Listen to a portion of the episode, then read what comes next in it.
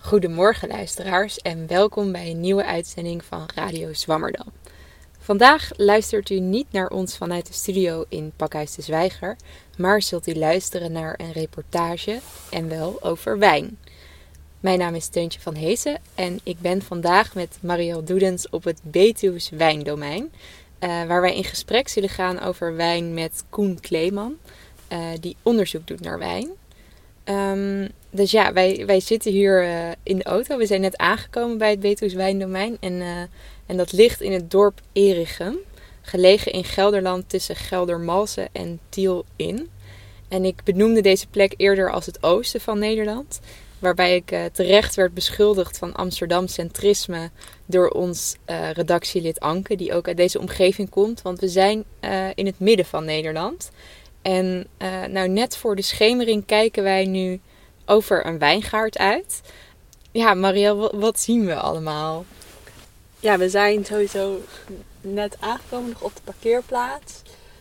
Het is een hele bewolkte lucht. En nog een beetje oranje ondergaande zon. Het gaat denk ik zo heel hard regenen. Ja. En, en links begint eigenlijk de wijngaard. Ik denk op 10 meter afstand ongeveer. Mm -hmm. Um, Met hele mooie gele, gele her herfstbladeren. Zijn de bladeren die er nog aan hangen? Want het is al, uh, er is al behoorlijk veel gevallen, denk ik zo. Ja, ja nog enkele bladeren en, en dan eigenlijk lange rijen naar achter en naar links vanaf ons gezien. Ja. ja, en daarvoor zien we nou ja, wat, waar wij denken dat de wijn uh, gemaakt gaat worden. Dus er is een soort loods, een soort, ja, een soort boerderijachtige loods. En dan een huis en dan een soort klein, ja, een soort restaurantachtig uh, ja. gebouwtje.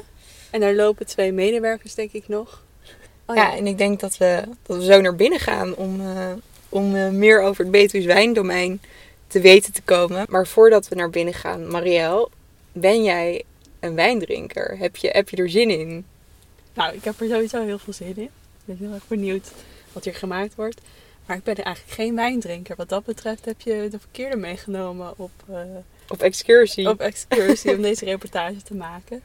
Ik uh, drink vaker bier, maar ik mm. vind het wel. Uh, af en toe drink ik wel, wel wijn. Dus misschien krijg ik wel nieuwe inzichten en word ik van bier een wijndrinker vandaag. Wie weet. En heb je, heb je wel eens Nederlandse wijn gedronken? Ik denk één keer. Ik ben dit jaar voor het eerst naar Zuid-Limburg geweest. En daar mm -hmm. hebben we uh, als souvenir een fles wijn mee. En ja, dat was uh, leuk. En lekker. Ja, wel oké okay, volgens mij. Wel oké. Okay. Oké, okay, nou ik hoop dat we iets, iets enthousiaster vandaag uh, onze dag hier gaan afsluiten. Um, dus ja, laten we naar binnen gaan.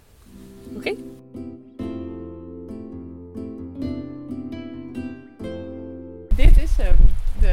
De, de wijngaard. Inderdaad, de wijngaard waar we, waar we wat onderzoek ook in hebben gedaan afgelopen jaar. Dus dat is, uh, ja, dat kun je nu niks meer van zien. Want uh, nee. er zijn bijna, hangen bijna geen bladeren meer en dergelijke. Ja.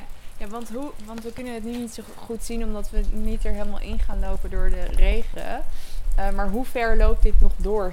Hoe, maar het perceel is, is, in totaal is het, uh, is het 7 hectare aan, aan wijngaard. Oh. En uh, je loopt hier 400 meter recht naar achter. En dan hebben we helemaal daar rechts achterin nog een, nog een ander perceel.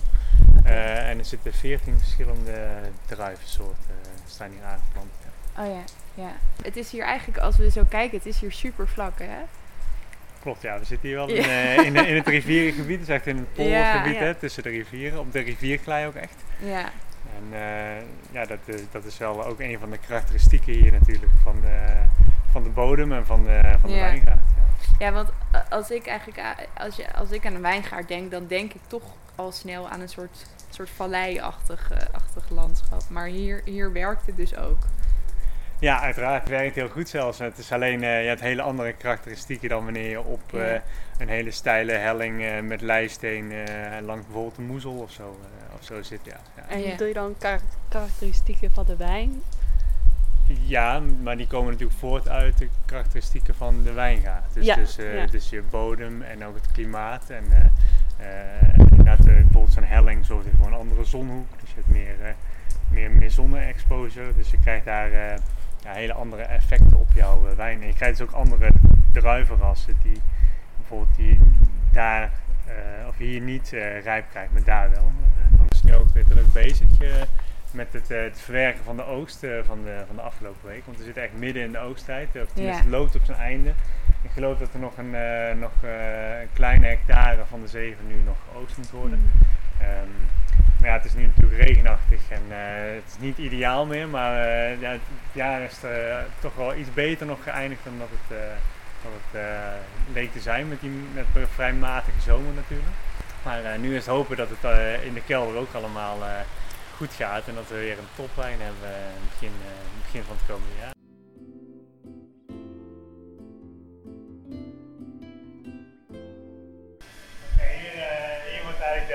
Oosten verwerkt. Dus je ziet mhm. hier uh, ja, verschillende tanks uh, staan. De meeste zijn 1050 liter. Uh, het zijn roestvrij stalen tanks allemaal. En ja, een enkele barriek zie je ook. Dus, dus daar houten. worden een houten tonnen zijn dat. Hè, dus daar worden de wijnen later in, in gerijpt. Ja. en dat zal pas veel pas gebeuren nadat de alcoholische gisting in de roestvrij stalen tank klaar is. En dan kun je nog een extra toets van hout eraan geven door het te laten liggen op, uh, op de barriekenvaten. Is dit eikenhout dan? Dit is eikenhout, ja. ja, ja. Dit, is, uh, is Frans eikenhout. Ja.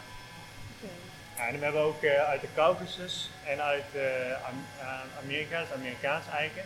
En die geven allemaal een net iets andere houttoets of vanilletoets of eigenlijk wat aan net andere karakteristieken, daar yeah. een ander effect aan de, aan de wijn. Ja, ja. En want we zien hier een soort, ja, inderdaad, nou ja, roestvrij stalen vaten staan. Blijft het in dat ene vat zitten of wordt het nog verplaatst? Ja, het was dus eerst, uh, wat nu is gebeurd, eigenlijk het sap is dus met gist, in de, eigenlijk de gisting gebracht in deze roestvrij stalen tanks.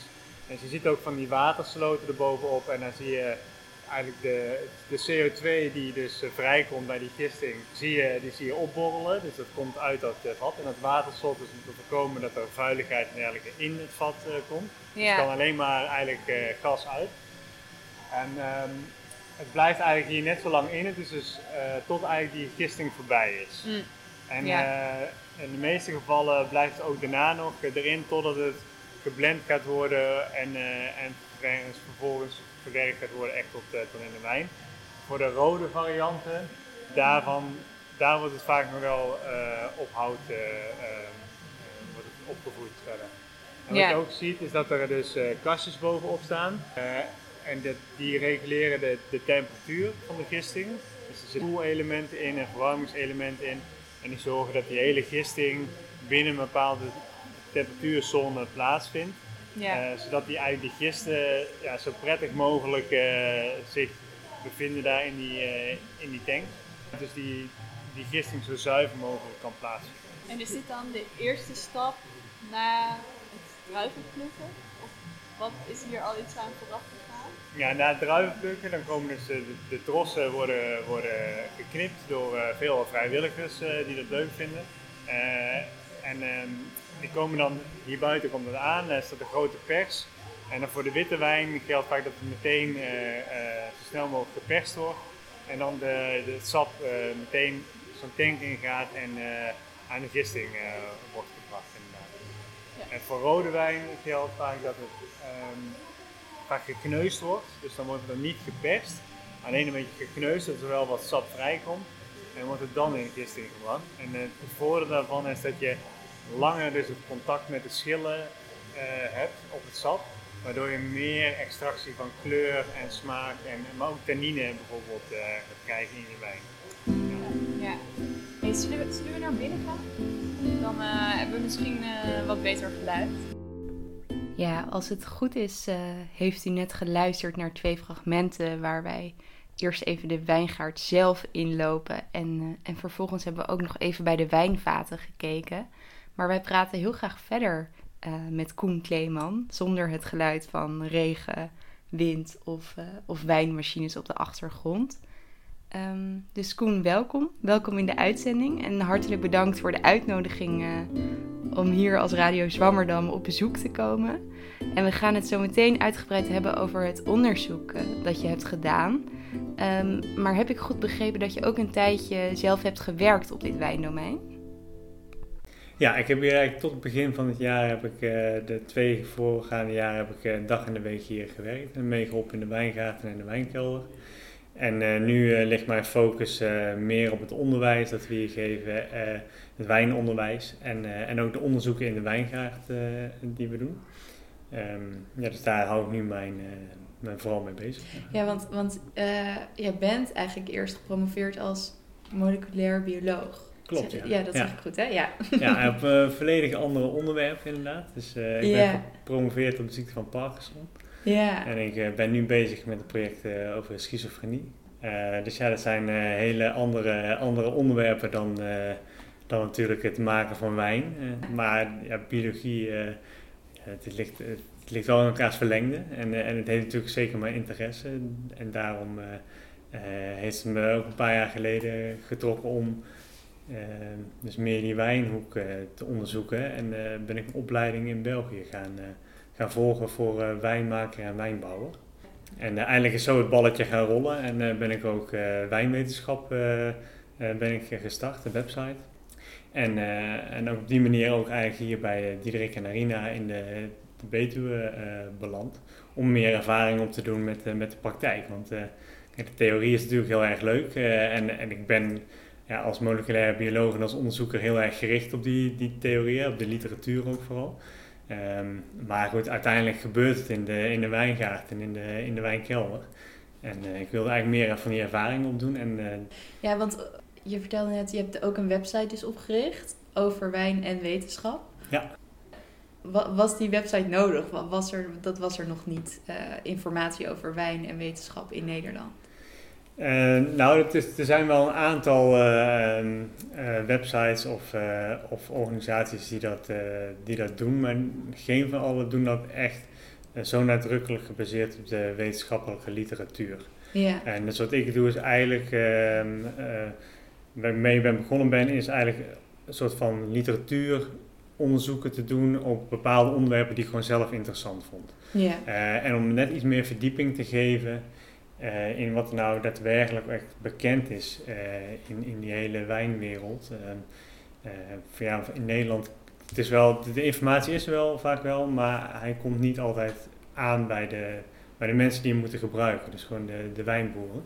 Of de mensen die een wijngaard willen starten natuurlijk ook. En, en dan is het wel, wel goed als iemand die die connectie kan leggen. En daar, daarom heb ik eigenlijk wijnwetenschap opgericht.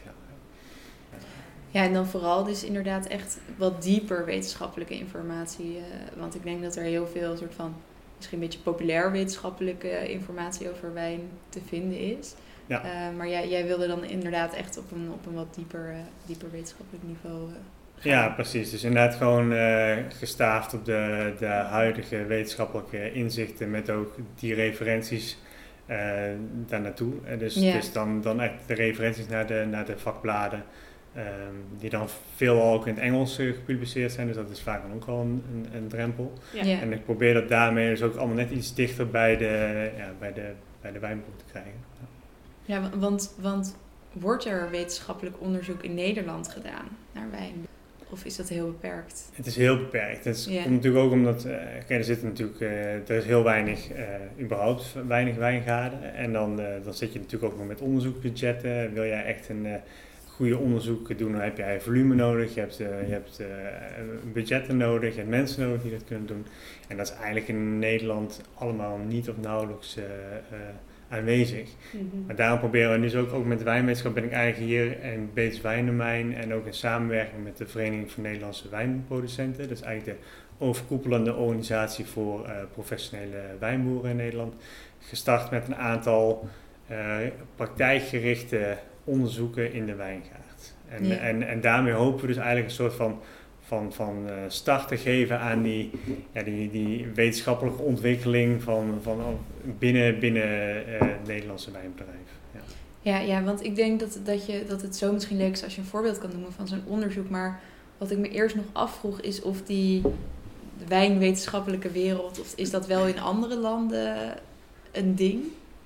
Ja, zeker weten. Ja. Ja. En, da- en daarmee, dat is ook eigenlijk waar we in Nederland daarom een achterstand mee hebben. Ehm, want ja, in grote wijnlanden, eh, en dan bijvoorbeeld in, in onze directe omgeving Duitsland en Frankrijk, die hebben volledige universiteiten die alleen maar gericht zijn op, op wijnbouw. Ja. En hele masteropleidingen die eh, alleen maar gericht zijn daarop. Ehm, en in Nederland heb je dat niet. Dus je hebt natuurlijk wel een aantal opleidingen die daar iets mee doen. Kijk, in, in Wageningen eh, zul je heus wel opleidingen hebben die jou iets meer kunnen leren over hoe je het beste eh, wijn kunt vinificeren of je agrarische teelt kunt, kunt verzorgen. Maar niet specifiek voor, voor wijnbouw. Ja. En dat hebben natuurlijk die Duitsers en de, en de Fransen hebben dat dan wel als voordeel. En die hebben dus veel meer kennis in huis. En ook nog kennis die dan specifiek gericht is op hun eigen klimaat met hun eigen druiven. Ja. En in Nederland hebben wij natuurlijk net iets ander klimaat. Ook net iets anders dan, dan onze oosterburen. Ehm, maar we gebruiken ook nog eens eh, eh, eh, nieuwere rassen. Dus dat zijn rassen die, druivenrassen die resistent zijn tegen bijvoorbeeld verschillende schimmels, eh, vroeg rijpend zijn. Ehm, en die worden, worden in Nederland veel meer gebruikt dan, dan in, die, eh, in, in Frankrijk en in, in Duitsland. En daar is ook veel minder onderzoek naar gedaan. En zeker natuurlijk in combinatie met, met ons klimaat. En daarom is het heel waardevol als er een aantal eh, onderzoeken zijn die bijvoorbeeld kunnen laten zien wat is nou het verschil. eh, kijk, we weten wel wat het bijvoorbeeld met een Chardonnay druif doet. Mhm. Of met een Pinot Noir. Maar wat gebeurt er als je gaat ontbladeren bij, bij Solaris of bij Sauvignon Gris of Cabernet Cortis? Dat zijn dan die Nederlandse of de, de, de nieuwe druivenrassen. En eh, dat is eigenlijk iets, een stukje kennis dat wij proberen, proberen te ontrafelen. En, en dus heel praktisch ook eh, straks te kunnen bieden als, eh, als soort van kennispakketje aan, aan, die, aan die Nederlandse wijnboer. Ja. Denk je dat zulke kennis misschien wel een boost gaat geven en dat we in de toekomst ook wel een soort wijnland gaan worden? Of is, dat, is Nederland gewoon geen wijnland? Nou, ik denk dat we al een wijnland zijn zelfs. Want, Mm. eh, ik- en denk zelfs dat het ook al heel erg goed gaat. Mm. Eh, want er worden geweldige wijnen in Nederland gemaakt. En niet alleen hier op Beets Wijnenmijn, maar ook in, in Zuid-Limburg eh, en in, in, in het noorden van het land. Dus eigenlijk in, door heel Nederland kun jij geweldige wijnen vinden bij, bij de verschillende wijngaarden. Ehm, alleen het maakt natuurlijk het voor de wijnboer wel een stuk makkelijker als ze ook directe kennis hebben die toegespitst is op hun druiven. En niet dat ze dat moeten extrapoleren uit de kennis die er in het buitenland is. Ja. Eh, en, en dat is natuurlijk, eh, ja, dat zou mooi zijn als dat, eh, als dat er in de komende jaren wel meer is. En dat maakt vooral het leven van de Nederlandse wijnboer een stukje makkelijker. En hopelijk, en dat is natuurlijk dan eh, misschien het, eh, de, de, de verdienste eh, over een paar jaar, eh, zorgt er ook voor dat natuurlijk dit hele, over de hele breedte de Nederland als wijnland en, als, eh, en nog beter op de kaart komt te staan. En dat is, ja, dat, maar dat is afwachten. En, Ja. en- maar we zijn op de goede weg, dus dat is, dat is erg leuk om te zien. Ja, want je noemde net dus dat, dat, je, dat je voor die wijnbond een aantal onderzoeken hebt gedaan. Kan je een voorbeeld geven van een onderzoek en wat, wat voor onderzoek jullie dan doen?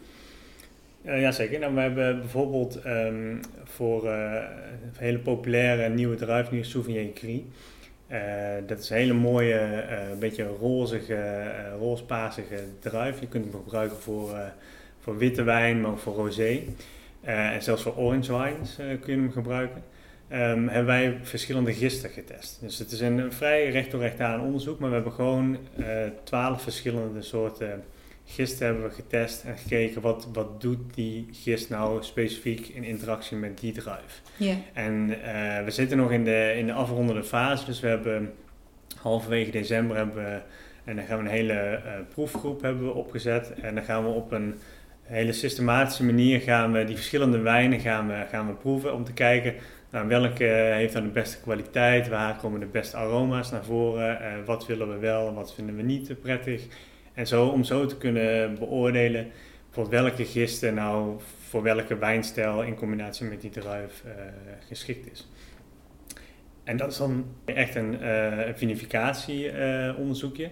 maar we hebben ook in de wijngaard bijvoorbeeld bij de Solaris-druif hebben we verschillende manieren van ontbladeren we, gehanteerd. Dus de Solaris-druif is een, een vroegrijpend ras. Ehm, en dat zorgt ervoor dat het zelfs in Nederland hele hoge suikergehaltes kan krijgen.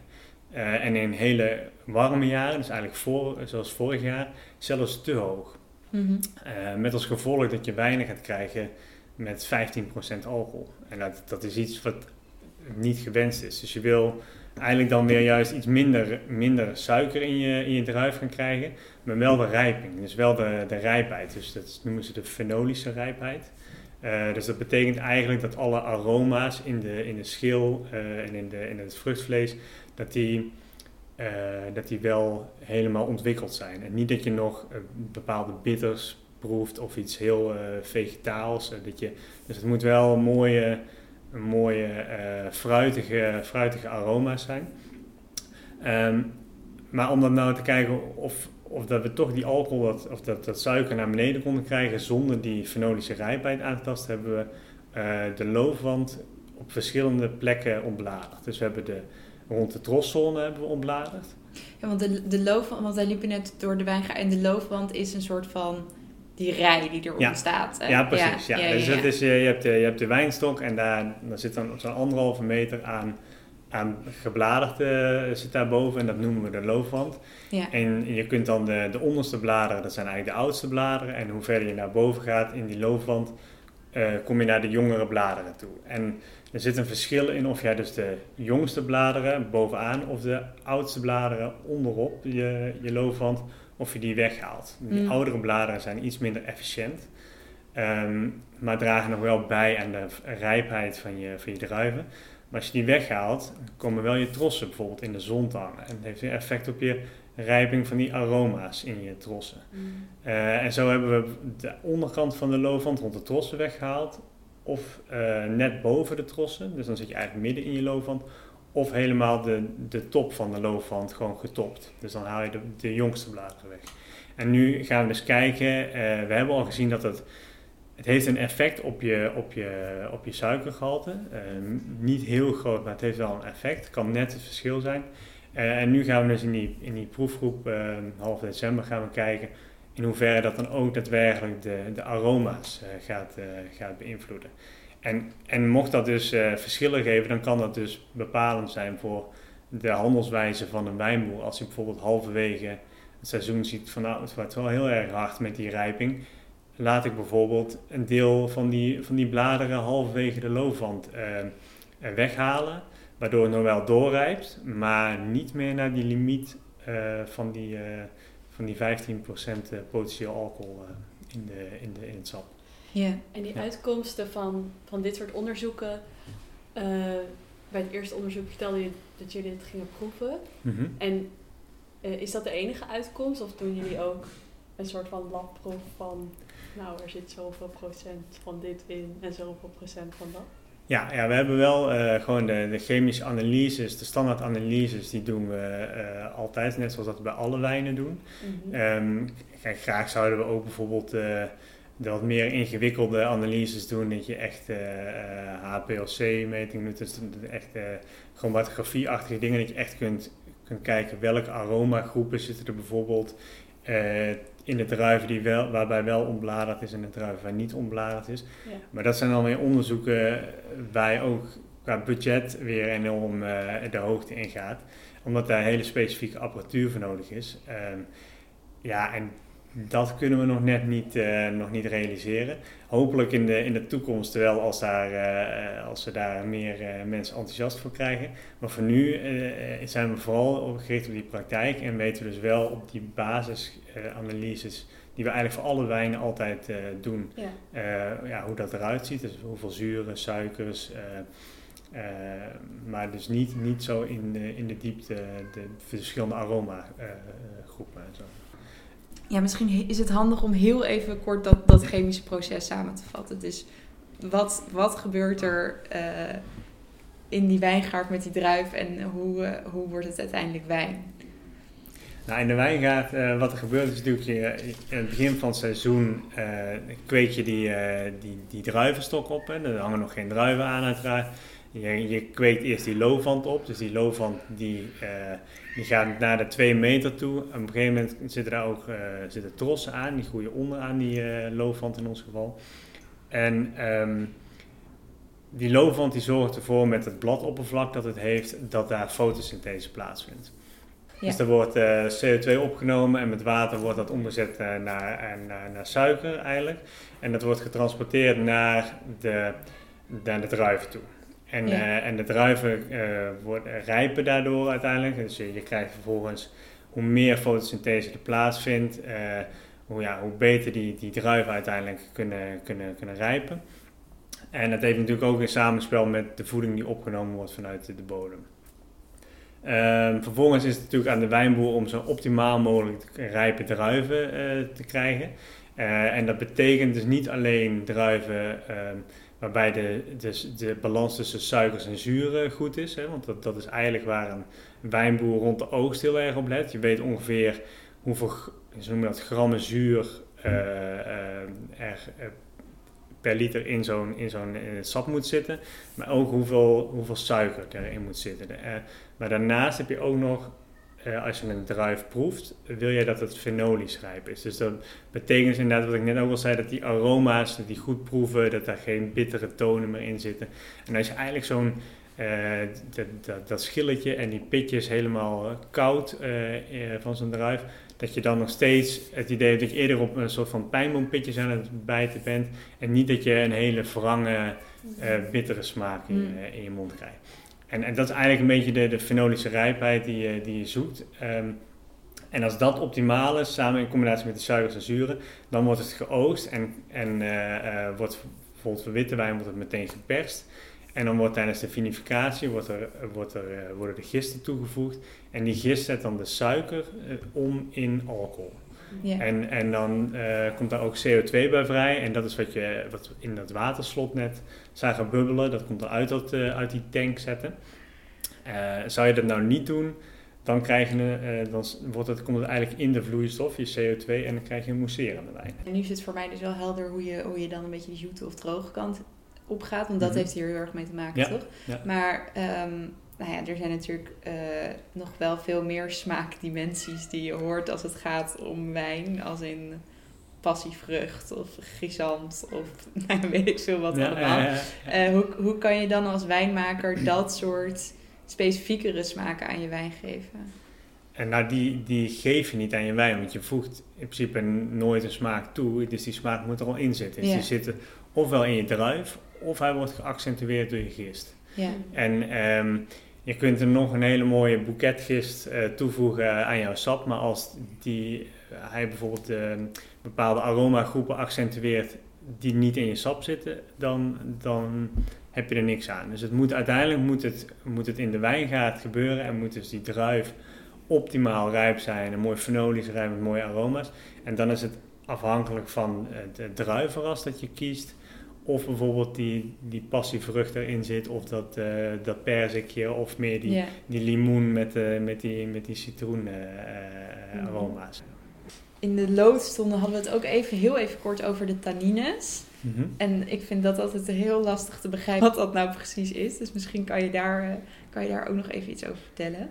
Ja, tannines zijn, uh, zijn polyfenolen. Dat is een, uh, is een groep moleculen die zitten in, uh, voornamelijk in de schillen en in de houten delen van, van de druiven. Dus dan zit het in de, in de steeltjes en in de pitjes.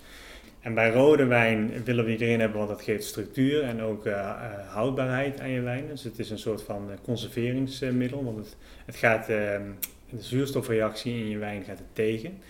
Um, maar in witte wijn willen we dat niet hebben. En daarom zorgen ook dat we de witte wijn meteen persen. Dus die wil je zo min mogelijk hebben dat dat contact van die schil en, en vooral die pitjes uh, uh, te lang met dat sap in contact staan. En daarmee, uh, die tannines, die zitten daar dus niet in, want wat die tannines eigenlijk zijn, um, wat die doen, is dat tannines binden aan eiwitten, maar ook bijvoorbeeld eiwitten in jouw wangslijnvlies en in jouw speeksel.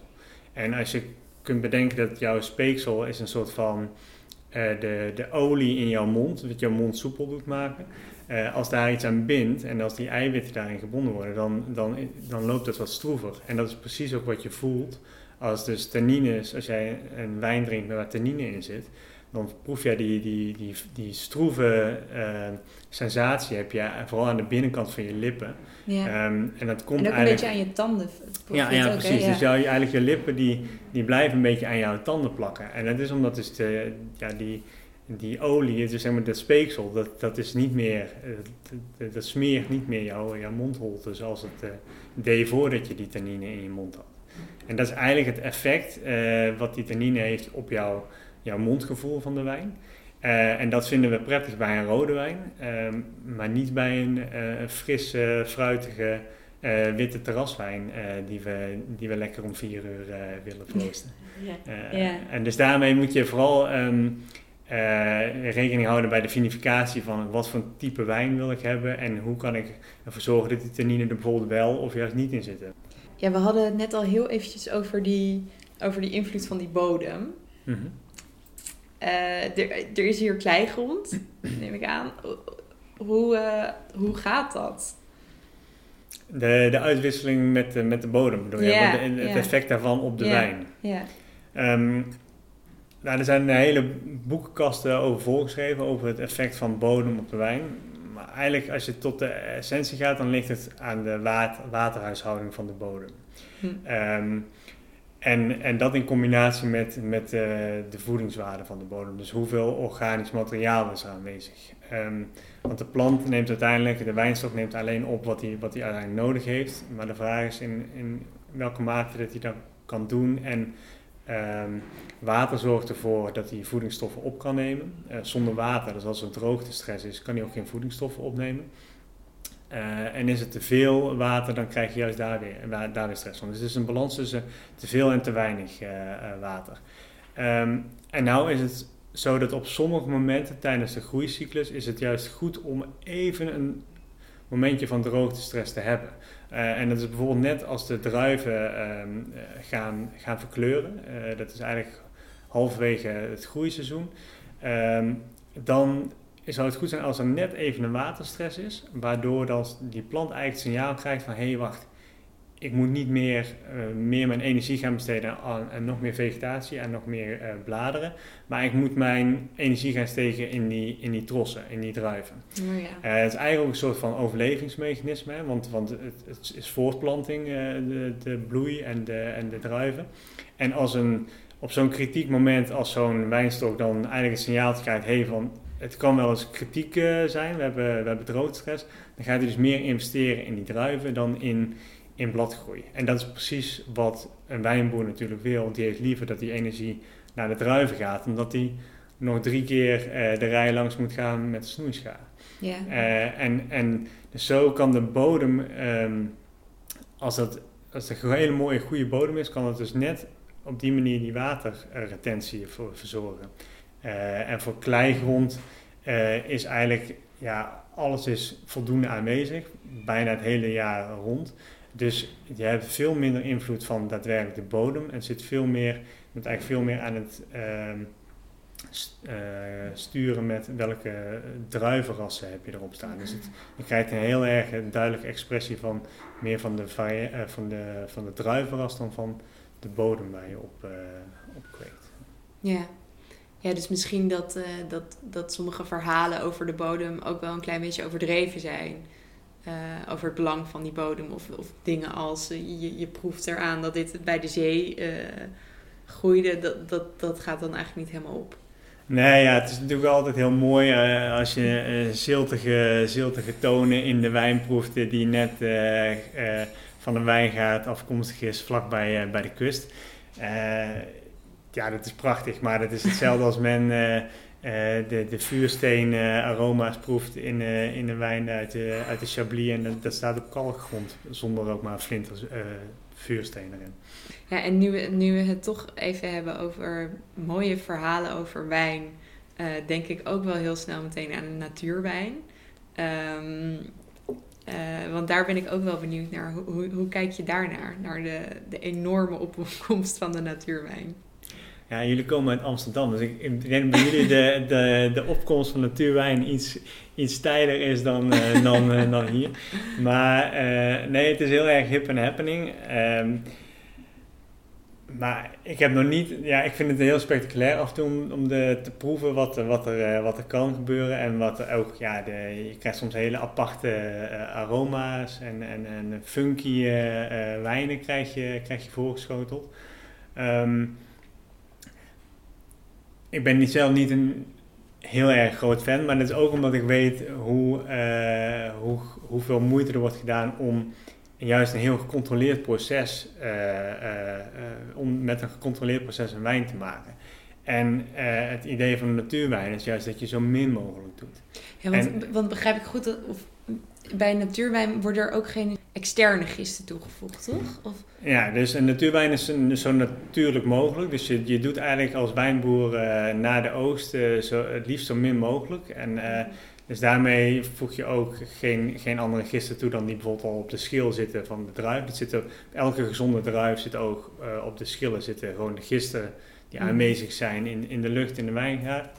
Um, en als je dus dat zou, zou persen of je zou het zou kneuzen en je zou het in een, in een vat uh, uh, leggen, dan gaat het automatisch gisten uiteindelijk. Ja, want is er ook een link tussen die natuurwijn en sulfieten? Want ik heb het idee dat de mensen die heel erg pro-natuurwijn zijn, ook, dat zijn ook misschien de mensen die heel erg anti, anti-sulfieten zijn. Anti-sulfieten zijn, ja. Ja, nee, sulfiet is natuurlijk altijd, als het altijd een, een terugkerend uh, fenomeen in discussie. Het is, uh, sulfiet wordt, wordt gebruikt als conserveringsmiddel en is ook van nature al aanwezig in wijn. Het wordt geproduceerd onder andere ook door de gisten zelf. Um, dus ook in natuurwijnen heb jij, heb jij een zekere mate van sulfiet uh, zitten. Um, en nu is de grens voor bijvoorbeeld een biologische wijn is, is 100 milligram per liter. En je, hebt zo, en, en je mag totaal mag je 200 milligram hebben, maar dan is het weer geen biologische wijn. Dus je kunt daar, je zit er ook nog wettelijke normen aan tot, tot wanneer je mag. Um, maar uiteindelijk is het altijd, en dat denk ik met alle toevoegingen, hoe minder hoe beter. Dus, dus in die zin hebben, hebben producenten van natuurwijn zeker wel een, een punt. Um, alleen wat je natuurlijk niet wil, is dat jij, uh, als jij na een jaar jouw, jouw fles wijn nog verkoopt, dat daar nog een, zeker als het een zoete wijn was, een spontane gisting in de fles heeft plaatsgevonden. Dus wat veel wijnmakers dan doen, is dat je als je iets zoals sulfiet toevoegt, dan zorg je ervoor dat daar geen um, geen, geen organismen, dus bacteriën, maar ook uh, gisten nog kunnen, kunnen leven of zich kunnen voortplanten. En dat je dus niet nog een, een hergisting op fles krijgt. Dus het is gewoon een conservering van je, van je wijn. En natuurlijk is, wordt sulfiet vaak als de grote boosdoener uh, uh, gezien. En hebben mensen de dag erna hoofdpijn omdat er zoveel sulfiet in de wijn zat. Mm. Maar in de praktijk is dat meer, meestal omdat ze gewoon een fles wijn leeg hebben gedronken. en niet zozeer omdat er sulfiet in zat, en het alfa zat. Ja, ja en, en, um, en de grote test altijd is om kijken of iemand allergisch is dus voor sulfiet, is om gewoon gedroogde abrikozen te, drinken, of te, te, te, eten. En als je dan een heftige reactie krijgt van, uh, van sulfiet, dan weet je, weet je het zeker. Uh, want daar zit uh, vele malen veel meer sulfiet in, in, in, in die gedroogde vruchten, in de gedroogde abrikozen, dan in de, in de wijn. Um, en heb je nog, nog, wat zou je nog graag willen, willen onderzoeken? oh, dat is een hele goede. Um, nou, ik zou vooral de, de, de, nieuwe druiven rassen, want er komen er elk jaar of elke paar jaar wel een paar bij. Dus hier, vooral vanuit de Duitse teelt is dat, uh, komen die dan hier op de Nederlandse markt. Die zou ik toch heel graag ja, willen onderzoeken en dan vooral met de, de groei, hoe ze, hoe ze groeien, maar ook wat voor type wijn, met welke gisten ze goed samengaan. Um, en ook uh, uh, gewoon teeltechnisch, hoe die, hoe die dan het beste uh, behandeld kunnen worden. En vervolgens ook in de vinificatie, of dat nog bijvoorbeeld met sommigen wel een pulpstandtijd nodig hebben, anderen wat meer op hout opgevoed moeten worden. En eigenlijk al die, al die verschillende aspecten, zodat je bijvoorbeeld wel Um, al bij de, bij de, ja, de, de, gearriveerde rassen weet, dat, dat je dat nog zou onderzoeken bij de, bij de ja. nieuwe rassen. En, zoveel verschillende dat neem ik er denk ik ook wel uit dat zoveel verschillende dingen invloed kunnen hebben op, op hoe die wijn dan wordt. En dat, dat kan me dan voorstellen bij zo'n nieuw ras, dat valt dan nog allemaal te ontdekken. Ja, ja, ja, ja, inderdaad. Ja, ja. En ik denk ook met de, met de huidige rassen die we nu nog hebben staan, zijn er nog heel veel uh, vraagstukken die open uh, liggen en waar nog, waar nog niet, tenminste niet in het, in het Nederlandse klimaat, uh, nog volledig op een wetenschappelijke manier naar, naar is gekeken. Dus men heeft wel ideeën, men heeft wel indrukken van ah, het zal ongeveer die kant op zijn. Maar niemand heeft nou daadwerkelijk zeg maar, een, een volledige case control studie erna gedaan om, om daar dat echt goed wetenschappelijk met statistiek te vergelijken. En dat, dat vind, zou ik wel mooi vinden om dat ja, te blijven doen de komende jaren. Ja. Ja. ik denk dat dat wel een, een mooie afsluiting is voor ons. Dat, dat wetenschap dus voor wijn ontzettend belangrijk en heel erg waardevol kan zijn. En dat, dat heb je ons zeker laten zien vandaag. Dus dankjewel ja, daarvoor. Ja. Dankjewel voor je inzichten. En uh, dan denk ik dat we misschien maar zo'n Betuwse wijn uh, een keer moeten gaan uh, proeven. Zeker, een goed plan. Ik ga er wel flessen bij halen. Ja, en voordat we gaan proeven, gaat u nog luisteren naar de column van Anne Fleur Schep. Afgelopen maandag, op 1 november, gingen de landelijke alcoholactieweken van start.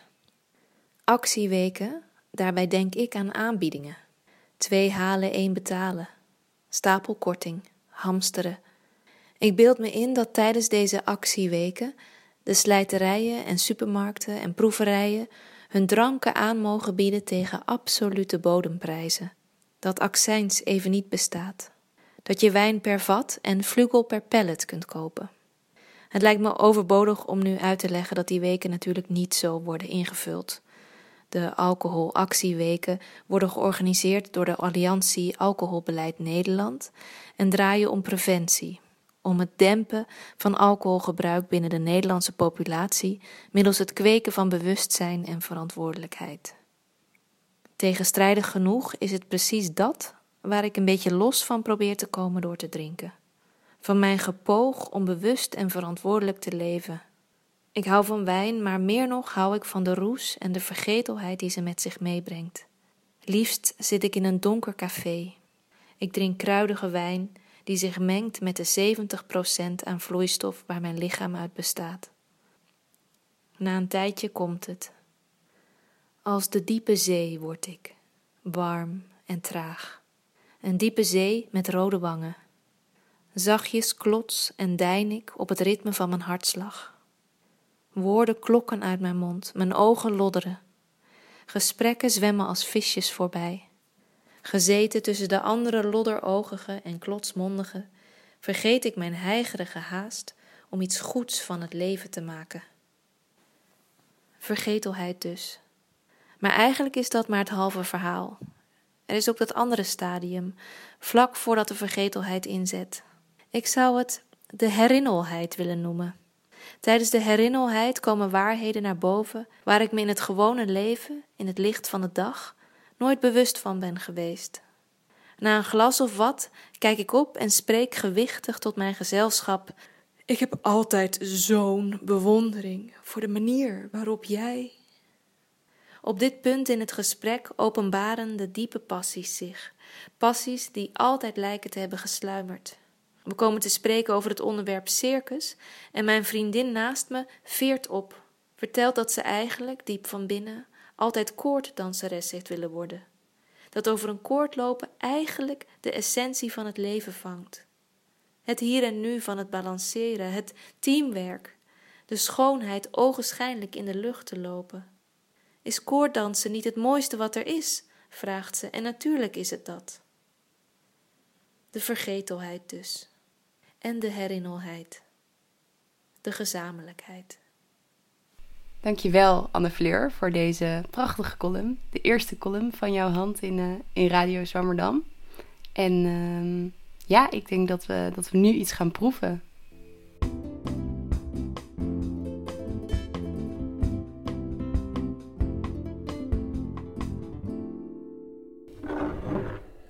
We gaan uh, drie verschillende wijnen proeven. We hebben de Linge Parel Wit. Uh, en die is gemaakt van Muscaris, Sauvignon Gris en Vidaris. Mhm. Ehm, en eh, er is, ehm, eh, het is mousserend gemaakt, dus er is eh, CO2 aan toegevoegd. Ehm, en daardoor is het een lichte mousserende wijn eh, geworden. En eh, ja, vooral heel fruitig, eh, fris. eh, ik zal jullie eh, een glaasje inschenken. Ja.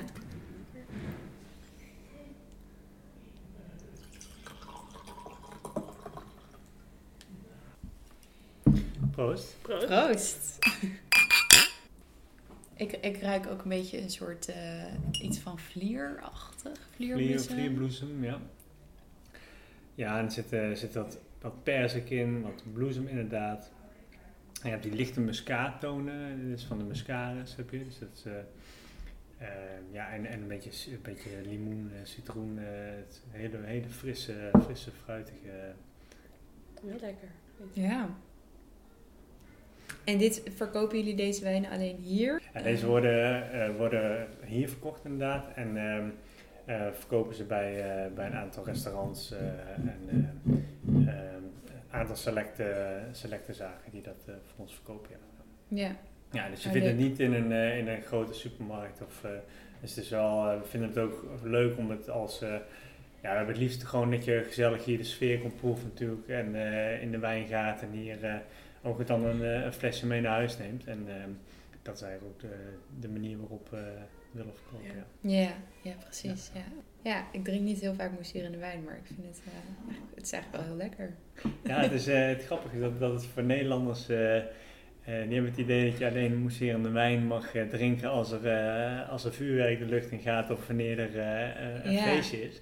Eh, terwijl onze um, zuidenburen, de Belgen, die, eh, die hebben er bijna standaard eh, een fles mousserende wijn koud eh, in, eh, in de koelkast altijd. Dus het is ook echt een, Cultureel een ding. cultureel dingetje. Ja, ja. Ja, ja grappig.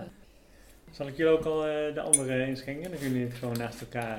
Ja, dat is misschien wel leuk. Want dit is de andere witte wijn. Dit is, ja, dit is de Cuvée Barrique. Dit is dus niet, deze is niet mousserend. Maar deze is gemaakt van eh Johanniter, eh Sauvignon Gris en eh, Solaris. Ehm, en Johanniter is eigenlijk eh, het meest eh, aangeplante witte druivenras eh, in Nederland. Ehm, en eh, dat is eh, eigenlijk een beetje, je kunt dat vergelijken met, eh, met een Riesling-achtige wijn. Dus een beetje dat, eh, dat hele frisse, knisperende eh, eh, limoen, citroenachtige aroma. Eh, en dan heb je de, de Gris, dus, die, eh, die mooie roze, eh, hele populaire druif op dit moment. En de Solaris. En de Solaris is de, die, die vroegrijpende, hele zoete wijn, of druif waar je ook die dessertwijn mee kan maken. Dus die zorgt dan meer voor die, die wat meer dat tropische fruit, die inbreng daarin. Dus het, het is een hele mooie, mooie blend daarmee van, van verschillende eh, aroma's. En die Sauvignon wat kruidiger, dus je, je krijgt dan verschillende aspecten van die druiven, die komen dan samen in deze, in deze witte wijn. En, en vind je dat dat ook is wat een wijn een goede wijn maakt? Dat, het dan wat, dat je dan wat complexer, complexere smaak hebt?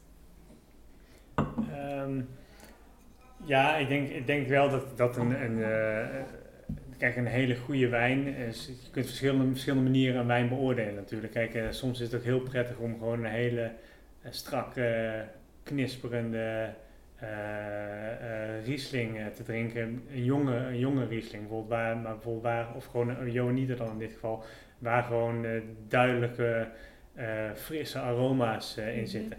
En natuurlijk, als je dan meer naar een, ehm, een wijn toe gaat die, eh, eh, die wat complexer is, is dat natuurlijk altijd mooi. Het is met een lange aftronk, met, met meerdere aromalagen erin en, en groepen. Maar ehm, dat is ook waar je van houdt. Want kijk, soms Mhm. wil je gewoon niet een hele moeilijke drinkbare wijn. Dan wil je gewoon eh, eh, in het zonnetje gewoon eh, eh, lekker frisse, frisse wijntje Ja. eh, drinken. Als je, als je het glas zwengt, dan komt er dus eh, meer zuurstof bij, eh, bij de wijn. En dan krijg je dus ook ehm, dat, eh, dat die aroma's vrijkomen uit. en ruik je Ja. dus ook nog meer die, Mm. die, die, eh, die fruitige aroma's die, die aanwezig zijn. Mm, ja. Ja, je associeert dit mis- misschien een beetje iets meer met soort van veel wat rijper fruit of zo, waar dit allemaal heel frissig is. Maar misschien is dat ook omdat we dit nu hierna drinken. Ja, en het grote verschil is ook, dit is de Cuvée Barrique. Dat had ik nog niet verteld. Ja. Hij zit dus, naast dat er verschillende druiven in zitten, eh, heeft hij ook eh, een tijdje op eh, zo'n houten bariek gelegen. En dus wat je ook een beetje proeft is een beetje, naast al die verschillende fruitaroma's, heb je ook een beetje dat, ehm, eh, dat ja, misschien melkachtig aroma, botertje, een beetje dat je proeft. Hè? Dus dat is een beetje die, Wat Dit- vettiger of ja, dat vettige inderdaad. Ja. Ja, en dus het heeft, eh, het heeft die eh, malolactische gisting gehad. Dus dat betekent eigenlijk dat bacteriën, het is geen, het, ze noemen het een tweede gisting, of ze noemen het een malolactische gisting, maar het is dat ehm melkzuurbacteriën hebben appelzuur omgezet naar melkzuur. En daarmee krijg je dus dat je, dat, je die, dat melkzuur, dat, ja, de naam zegt al, krijg je een Mhm. beetje die melkaroma's, die boteraroma's eh, krijg je daarvan. En eh, dat geeft dat een beetje dat vettige, dat rondere smaakje aan die wijn.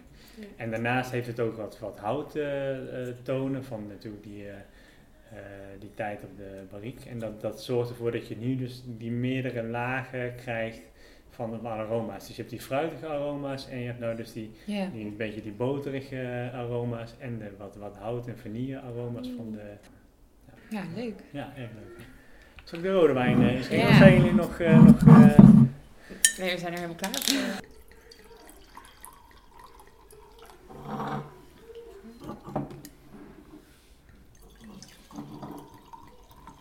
Deze rode wijn is een, eh, is een blend van eh, Regent en eh, van Pinotin. Mhm. En ehm, deze hebben 12 maanden op, op eikenhouten barriques gelegen. Ehm, en het heeft eigenlijk zwart fruit en, en pruim, proef je daarin terug. Ehm, het heel fruitig is het. Fruitig, op fruitige stijl is het ook gemaakt. En we hebben nog een, nog een andere rode wijn ook. En die is gemaakt met Regent en Cabernet Cortes. En ik, ik noem het altijd, die heet al Cabernet Cortes eigenlijk meer de... de eh, ja, ik, het is we, we proberen- we moeten het altijd verduidelijken. Dus we, we vergelijken dat dan toch weer met dan de klassieke druivenras. Maar de Cabernet Cortes kun je een beetje vergelijken, zeg ik altijd, met de, de Cabernet Sauvignon. En de, en de Regent zou je dan meer richting de Merlot eh, hoek Mhm. Zou je die kunnen plaatsen. En deze is dan met pinotin nog eens ge, eh, geblend, de regent met pinotin. En pinotin geeft een heel erg eh fruitige karakter nog aan die, eh, aan die wijn. Dus eh, het heeft daarna ook nog die houttoets eh gehad. Dus de, Oh, de- die, die proef je ook al. eh. Ja. Dus- En En die ruik ruik je ook al Ja, een beetje. ja, Ja, ja, ja, ja. Een beetje rokerig. Ja, Dat, ja, ja, klopt ja, dat? klopt. Ja. Ja, ja. In je neus. Nee, eh, heerlijke rode wijn eigenlijk wel. Ja, mooi. Ja.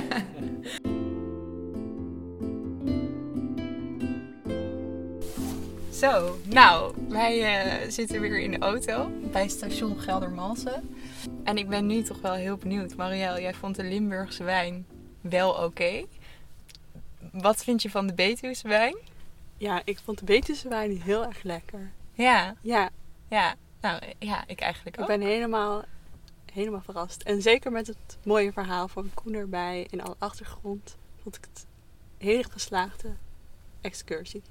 Ja, en hiermee zijn wij aan het einde gekomen van Radio Zwammerdam over wijn. Ehm, ik wil graag Koen Kleeman bedanken, maar ook het Betuws Wijndomein waar wij deze uitzending mochten opnemen. Ehm, mijn naam is Teuntje van Heesen en Marielle Doedens was co-presentator vandaag. Dankjewel, Marielle. Ehm, en de column was geschreven door Anne Fleur Schep. Dank daarvoor, Anne Fleur. Reageren op deze uitzending, dat kan ook via Facebook, Instagram of Twitter. Uh, maar ouderwets mailen kan ook naar redactie.radiozwammerdam.nl.